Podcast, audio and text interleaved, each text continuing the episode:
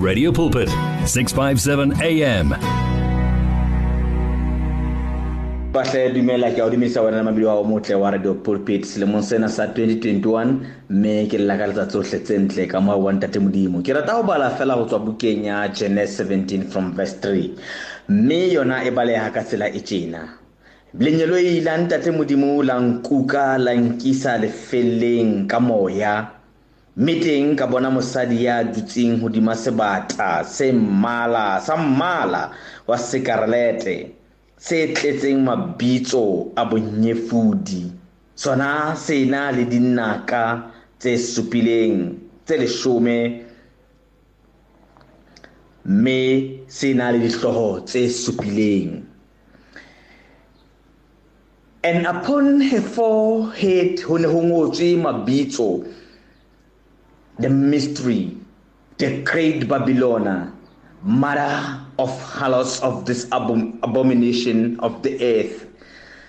And then ka bona mosadi enwa a tauwe ka madi a baena she was struck the blood of the saints and the blood of the believers of Jesus Christ.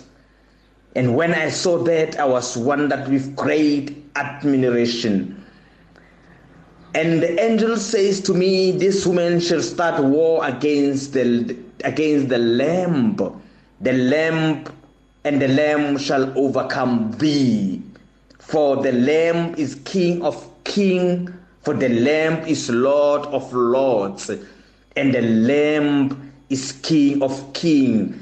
And those who are with with the lamb are the called one, are the chosen one, and are the one in the Lord in faith. And he said unto me, This water you see here, she been sitting upon are people and multitude and nations and tongues. Se ke se buang fela ke hore even le selemong sena mme se bahlele mamedi mo tlore the pulpit jwalo ka modimo a kgone re boloka against this covid le lemong sena. Let us believe and trust in god. Let us stay and believe in god hore modimo o tla re pholosa modimo o tla re hlolela sebataneng sena.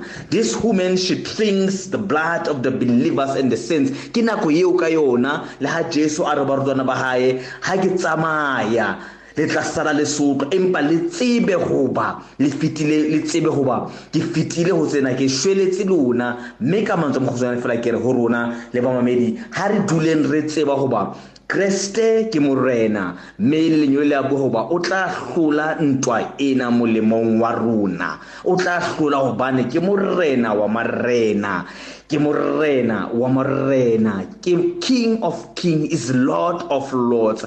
He will win for us. Le a mosalela ka nyefola jesu covid is e nyefula boholo ba modimo. Covid e nyefula tumedi ya barapedi ke ka yona covid ena e leng hore re bona batho ba qala ba nyefula. People are now been questions they will re I, I don't understand why but let's believe and trust in lord hore we will overcome this.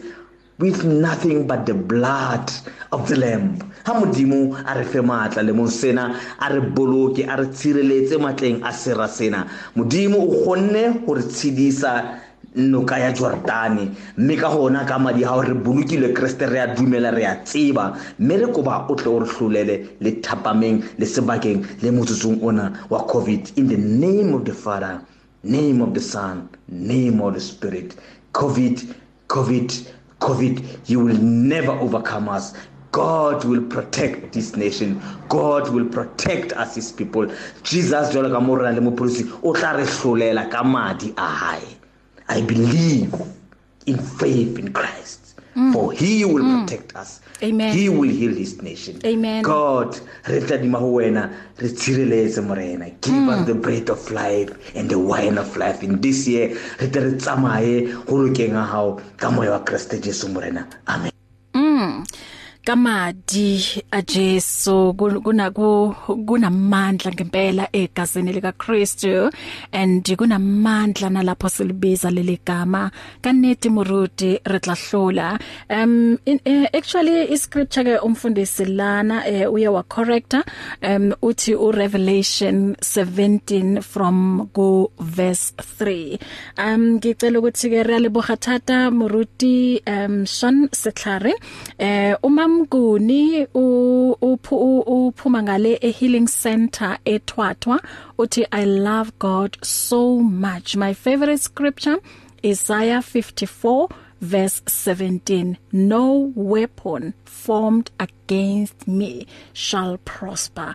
Asiwakhulumeni lamazwi bazalwane ukuthi asikho isikhali esibekelwe sona okuwukuthi eh sizonqotshwa ngalo kodwa sinqoba ngani? Eh sinqoba ngaye. uKristu. Siyabonga um kuyo yonke imiyalezo. Angithemba ukuthi awukho engiwushile la. Okay hello sisibahle. Uthi as you know ukuthi churches are closed uthi today. Oh i was at the mountain. Okay ngindlulile ngawo lo myalezo. Eh siyabonga kakhulu. Isikhathi ke manje sithi 20 before um 3 o'clock. Asijule ngalo lelizwi. Em joba ke um, uzwile la eh kumndeni wethu ka radio pulpit um ngokushare lama scriptures kusho ukuthi ngempela eh niyajula kule lelisi siyacwila ngempela kulona eh angihambelana nosifiso mbatha uthi um, holy dance Become active, active in faith. 657 AM. 657 AM. It's difficult to face the overwhelming pressures of life alone. Sometimes we just need someone to talk to, someone to listen to us.